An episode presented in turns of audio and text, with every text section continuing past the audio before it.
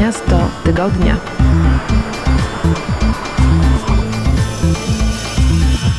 Witam Was bardzo serdecznie w kolejnym odcinku programu Miasto Tygodnia.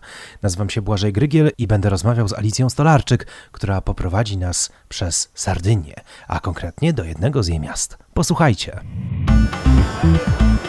Miasto tygodnia.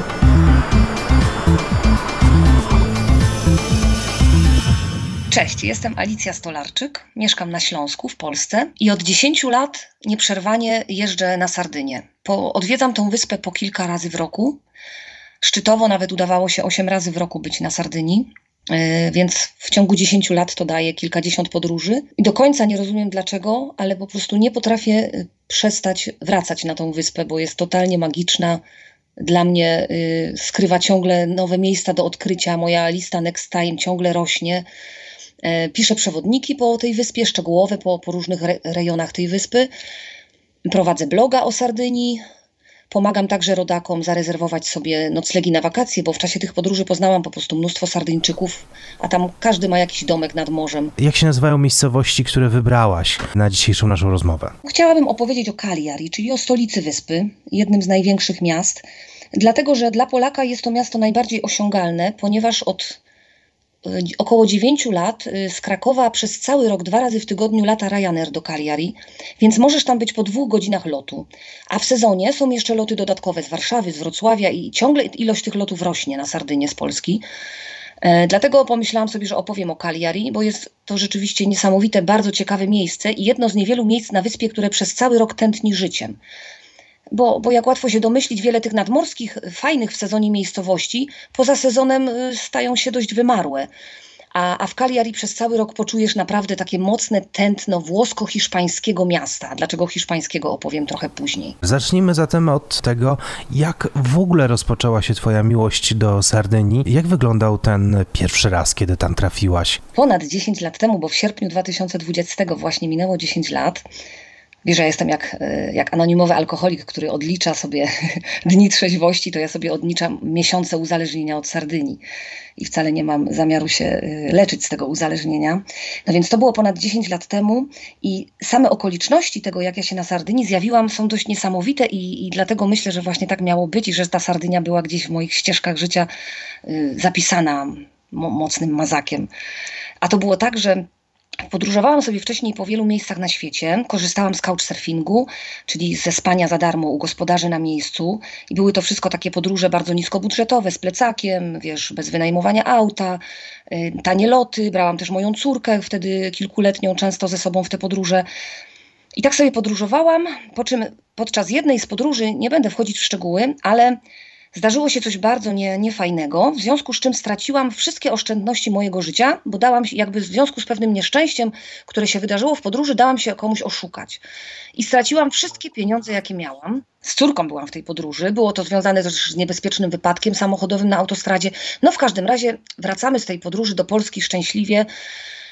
E, siadam sobie w pokoju na ziemi, no i płaczę sobie, no bo zostałam oszukana przez ludzi, którym ufałam, wiesz, których uważałam za przyjaciół.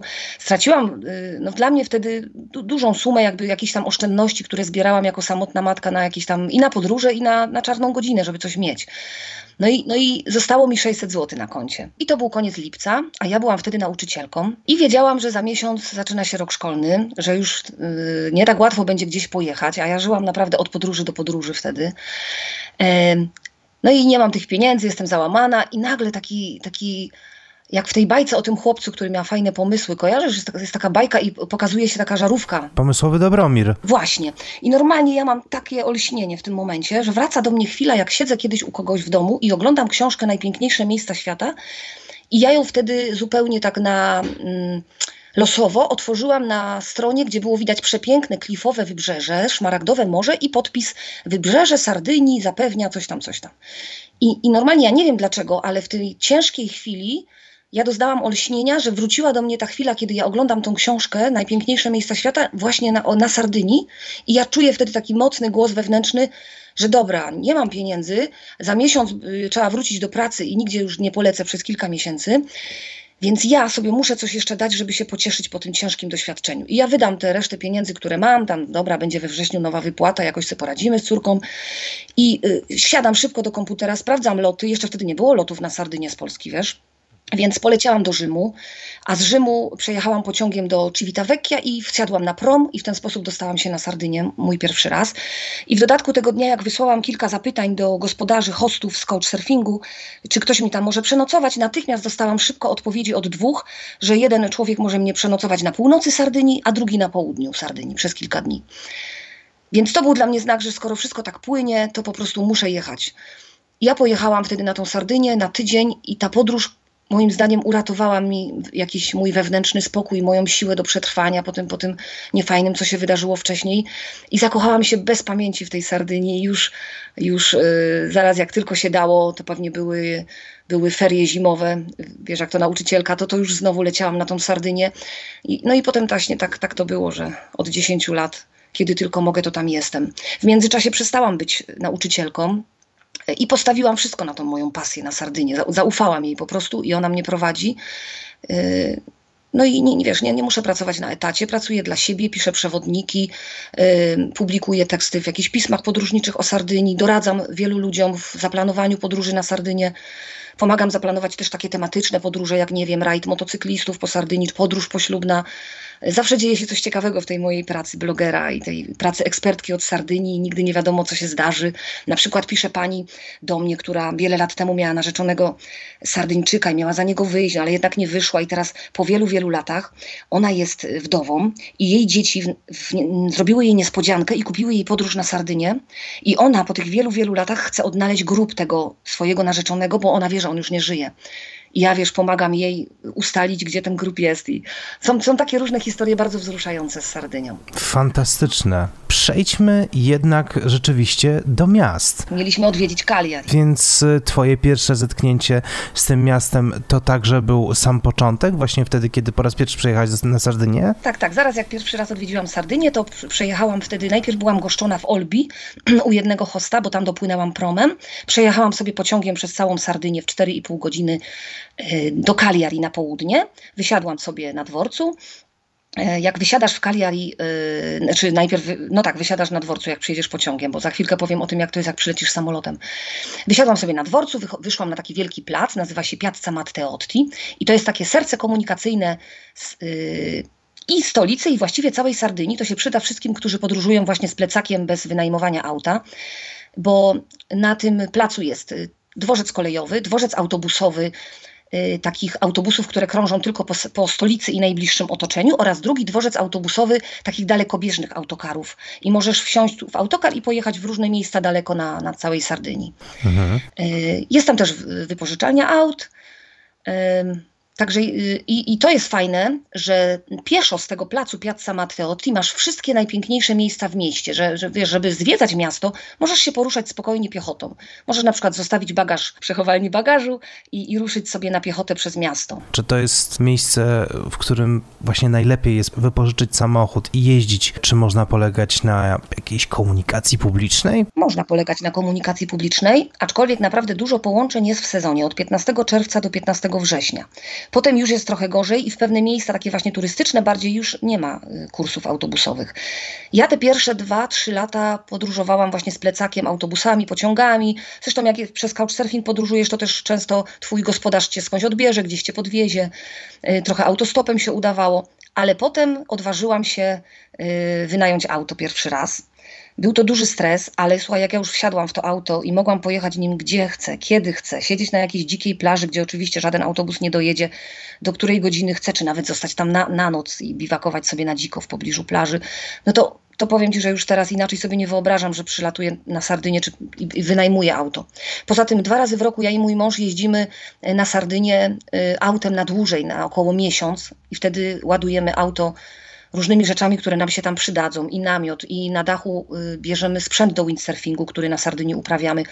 No bo w międzyczasie, w, w ciągu tych 10 lat y, tej przygody z Sardynią, którą rozpoczynałam sama, pojawił się w moim życiu mężczyzna, którego całe życie szukałam. Y, I on oczywiście musiał wziąć mnie w pakiecie, wiesz, z tą Sardynią. Po prostu Alicja i Sardynia albo, albo nie ma Alicji. Co też wcale nie było zawsze dla niego takie łatwe, no ale przyłączył się do mnie i on teraz ze mną bardzo często tą Sardynię odkrywa. I właśnie dwa razy w roku jedziemy razem autem z Polski.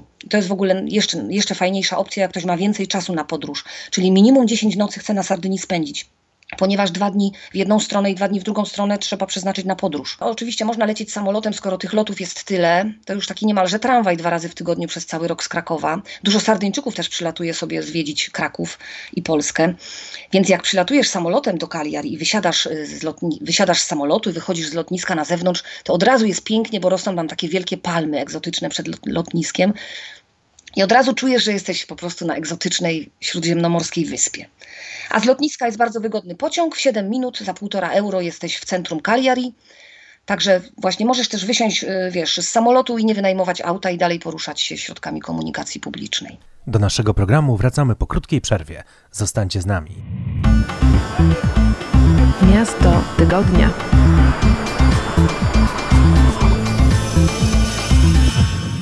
Witajcie po przerwie. Razem z Alicją Stolarczyk poznajemy skarby Sardynii. Zapraszam na podróż. Miasto tygodnia.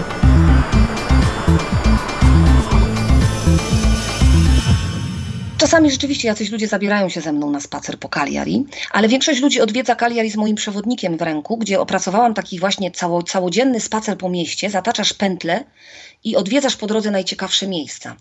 I rzeczywiście na tym spacerze jest dużo miejsc y, historycznych, takich zabytkowych, ale one są naprawdę strasznie ciekawe i robiąc ten spacer, jakbyś, jakbyś w sumie miał y, skrót historii całej Sardynii. Bo musisz wiedzieć, że odkrywanie Sardynii to jest w sumie jak podróż przez pół świata, bo przez wyspę przetoczyli się Fenicjanie, Kartagińczycy, Rzymianie, na chwilę Wandalowie nawet, słuchaj, tutaj zajrzeli. Y, Długo rządzili y, Sardynią Hiszpanie, Aragończycy, porywali też Sardyńczyków na niewolników Arabowie, Saraceni też próbowali położyć łapę na tej wyspie. Na chwilę Sardynia była nawet pod panowaniem Austrii. Próbował ją zająć Napoleon Bonaparte. Potem dużo, dużo do dziś wpływów na Sardynii miały i mają Włochy.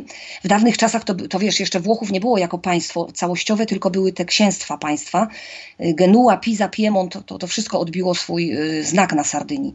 I to wszystko właśnie masz w Cagliari. To jest fajne w tym mieście, że możesz y, przez to miasto wędrować i jednocześnie odczuć całą tą historię wielotysięczną Sardynii. Cagliari ma prawie 3000 lat. Założyli je Fenicjanie w VIII wieku przed naszą erą. No więc tak, jak sobie spacerujesz przez Cagliari, możesz odwiedzić rzymski amfiteatr z pierwszego wieku naszej ery. I to był, to był naprawdę, y, naprawdę to było niezłe miejsce rozrywki dla ludzi, bo mieściło 10 tysięcy osób. Wykuli go w ogóle w litej skale e, i to świetnie wpływało ponoć na akustykę tego miejsca. I urządzali tam nawet inscenizacje bitw morskich, czyli napełniali całą arenę wodą i statki pływały i udawały, że jest bitwa morska. Także kiedy nie było telewizji, też się ludzie potrafili bawić. Fascynujące, naprawdę. Zaraz koło tego rzymskiego amfiteatru masz y, ogród botaniczny. Przepiękne miejsce, 5 hektarów, gdzie jest y, bardzo wiele gatunków palm z całego świata.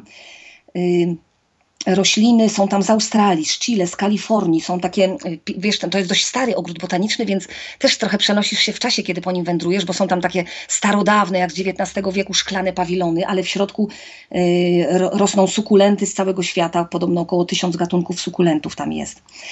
Yy, Poza tym na terenie tego ogrodu botanicznego masz stare wykopa- wykopaliska rzymskie, jest taka wielka grota, a przed tą grotą rosną fikusy, takie wielkie, pnie tych fikusów się tak wiją, zakręcają. Jak tam przyjdziesz z dzieckiem, to to jest moim zdaniem najpiękniejszy plac zabaw dla dziecka. Z córką też tam byłam, kiedy była mała i, i uwielbiała się wspinać na te fikusy właśnie do góry.